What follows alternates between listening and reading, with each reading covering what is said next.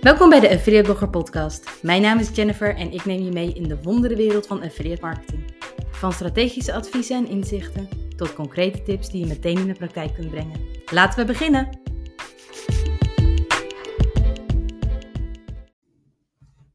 Laat ik deze podcast beginnen met aangeven dat ik super verkouden ben en dat het daardoor best wat nasaal kan klinken deze keer. Maar ik heb een onderwerp voor je vandaag die eigenlijk niet kan wachten tot een andere keer. Dus vandaar dat ik dacht, verkouden of niet, we're gonna do this.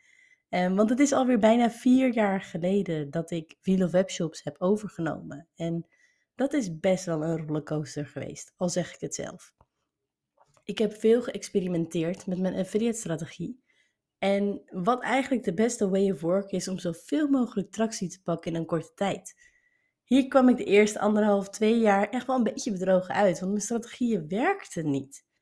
En voor iemand die al jaren daarvoor actief is geweest binnen de affiliate marketing, maar dan aan de adverteerderzijde, is dat best wel frustrerend. Je zou denken dat ik nou ja, zoveel goede voorbeelden voorbij heb zien komen dat ik weet wat een publisher kwalitatief en goed converterend maakt.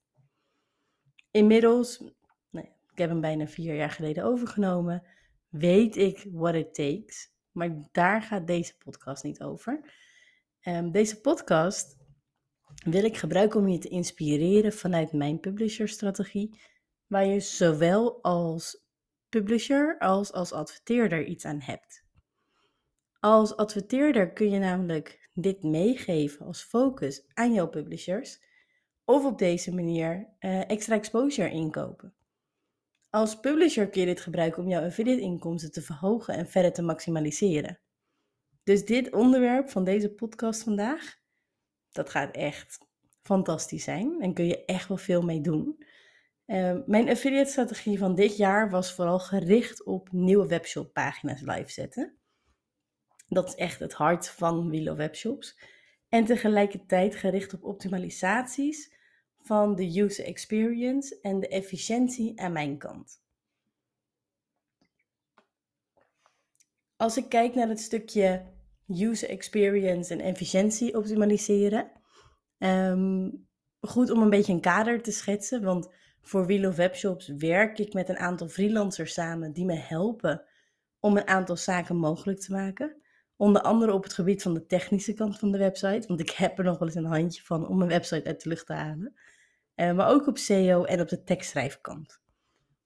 Dit jaar is uh, Webshops overgegaan op Generate Press, wat een, um, nou ja, een, een, een, een template is, een thema is binnen WordPress om jouw website anders in te richten, maar waarmee je ook heel makkelijk um, uh, heel makkelijk pagina's uh, in een soort template kunt gieten. Um, je merkt, ik ben echt wel goed verkouden, dus ik ben een beetje all over the place. Maar daarin merkte ik wel dat een stukje extra efficiëntie ja, met zich mee, uh, meebracht. Um, en de snelheid van de website is dat eigenlijk ook ten goede gekomen. Mijn vorige WordPress-thema was namelijk vrij zwaar. Maar gelukkig voor mij zijn dit zaken die je eenmalig als groot project oppakt ik ben niet van plan om zulke projecten ieder jaar te doen. Maar ik zag wel dat dit een enorm positieve impact maakte op mijn website. Iets wat ik wel van plan ben om ieder jaar door te gaan zetten. En dat is de focus op nieuwe content. En dan met name evergreen content. Hieronder versta ik content dat niet vaak geüpdate hoeft te worden en basically tijdloos is. Voor mij vallen hier bijvoorbeeld de webshop pagina's onder die ik optimaliseer of laat optimaliseren en schrijven. Uh, door de tekstschrijver waar ik mee werk, Romy Vul. Um, super fijne samenwerking en ik kan daar heel makkelijk brieven eigenlijk in wat ik nodig heb. Om dat um, heel makkelijk eigenlijk in, in een content format te kunnen laten gieten.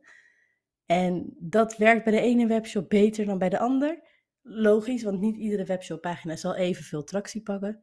Andere komen nooit van de grond, andere pakken meteen tractie. Het ligt enorm aan hoe het, um, nou ja, waar, waar de mogelijkheden liggen en waar de consument daadwerkelijk naar zoekt. Maar goed om te weten is dat voor Wheel of Webshops vrijwel alle commissies die ik realiseer via dit soort pagina's binnenkomt. De kracht van Evergreen is hier gigantisch. Ik zet één keer zo'n pagina live en dat werkt. Dat optimaliseer ik, dat vul ik soms aan met extra content. Maar dat hoef ik niet continu extra updates in plaats te laten vinden. Dat is overigens ook waar het in mijn begintijden van Wheel Webshops zogezegd misging. Ik focuste me te veel op tijdelijke blogartikelen. Niet seizoensgedreven of onderwerpgedreven, maar te veel gefocust op must-haves en op enkele items die vervolgens uitverkochten bij de adverteerder en ik eigenlijk niks meer had aan de pagina. Daarnaast wil ik de evergreen content verder blijven uitbreiden. Niet alleen op webshop-niveau, maar ook op blogniveau, waarbij ik productlijnen van merken die altijd beschikbaar zijn, promoot, merken specifiek kan promoten die bijvoorbeeld geen affiliate programma hebben, maar wel producten hebben die verkocht worden via webshops die aan affiliate marketing doen. Dus er zitten echt wat haakjes voor mezelf waar ik nog veel meer mee wil gaan doen op het gebied van evergreen content. Dus voor 2023 is mijn hoofdfocus, again, meer evergreen content. Maar dan? Dit is een leuk strategisch uitgangspunt, maar wat nu? Hoe dan? Net als ieder strategisch uitgangspunt ga ik uit van mijn eigen verwachtingen, mijn doelstellingen en mijn focus. Ik verwacht komend jaar ongeveer net zoveel tijd vrij te kunnen maken voor Wheel of Webshops als dat ik nu heb gedaan in dit vierde kwartaal. Wat uitkomt op ongeveer een halve dag tot een hele dag per week. Soms ietsje meer, soms ietsje minder. Ik verwacht nog steeds een tekst of 5 à 10 per maand in te kopen bij Romy um, en deze te plaatsen. En ik verwacht daaromheen meer eigen content te kunnen gaan schrijven. Mijn doelstelling voor 2023 is om zo'n 5 à 10.000 euro meer te gaan verdienen aan Willow Webshops. Dus daar zitten echt wel wat kansen, mogelijkheden en uitdagingen waar ik meer mee wil gaan doen. Goed om te weten is dat ik wel twee verdienmodellen hanteer. Affiliate marketing, maar ook in opdracht content schrijven en plaatsen op willowwebshops.nl.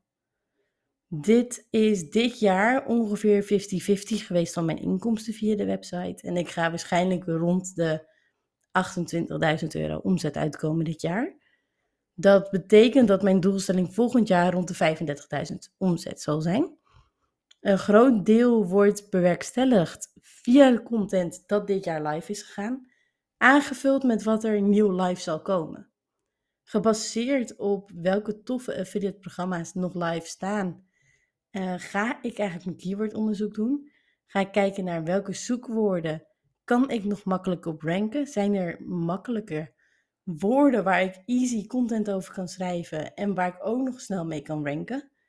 En hierin neem ik webshops mee waarvan ik weet dat ze productlijnen hebben die lang in de verkoop zijn of nog steeds nieuwe items aan toegevoegd worden. Maar ook webshops die nu al goed scoren om zo mijn interne linkbuilding te verbeteren.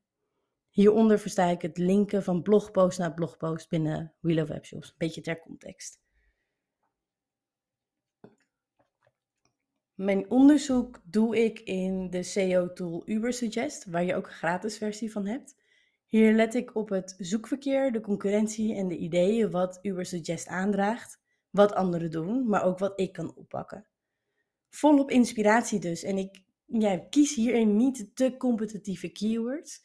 De kans dat ik die battle namelijk win is klein, maar ook geen zoekwoorden waar geen verkeer op zit. Tenzij ik geloof dat dit in de toekomst echt nog wel kan gaan groeien. Dus ik ga er een beetje tussenin zitten. En dit resultaat, ja, dit, dit, ja, dit resulteert eigenlijk in een wishlist van webshops die ik graag wil toevoegen en content ideeën om over te schrijven. Alles log ik in Asana, zodat ik alles op een rijtje houd voor mezelf. Op maandelijkse basis dus 5 à 10 aan Romy. Maar als je nou zelf alles schrijft, briefjes aan jezelf. En dan is het nog steeds fijn om nou ja, overzicht te houden voor jezelf. En als je daarin um, nou ja, rekening wil houden met adverteerders die ook kunnen stoppen met affiliate marketing, is het belangrijk dat in ieder geval een bepaalde productlijn, productcategorie, merken bij meerdere adverteerders verkocht worden, zodat je daarin kan gaan schuiven en kan gaan testen. Zo zorg ik er in ieder geval voor, heel concreet, nou dat ik de juiste keuzes maak qua evergreen content. Evergreen content is dus echt een stukje van mijn publisher-strategie, wat ik doortrek naar 2023. En ik ben wel benieuwd van, hoe zie jij 2023 voor je? Ik wil je heel graag hier met deze podcast triggeren. Zie je ook vooral evergreen content voor je? Wil je het op een andere manier aanpakken? Of wordt het een onderdeel van je strategie? Ehm, denk daar eens over na. En helemaal in deze tijd van het jaar is het zo fijn om even vooruit te blikken en te kijken waar je naartoe wil bewegen. Dus kort gezegd, is evergreen content ook iets voor jou?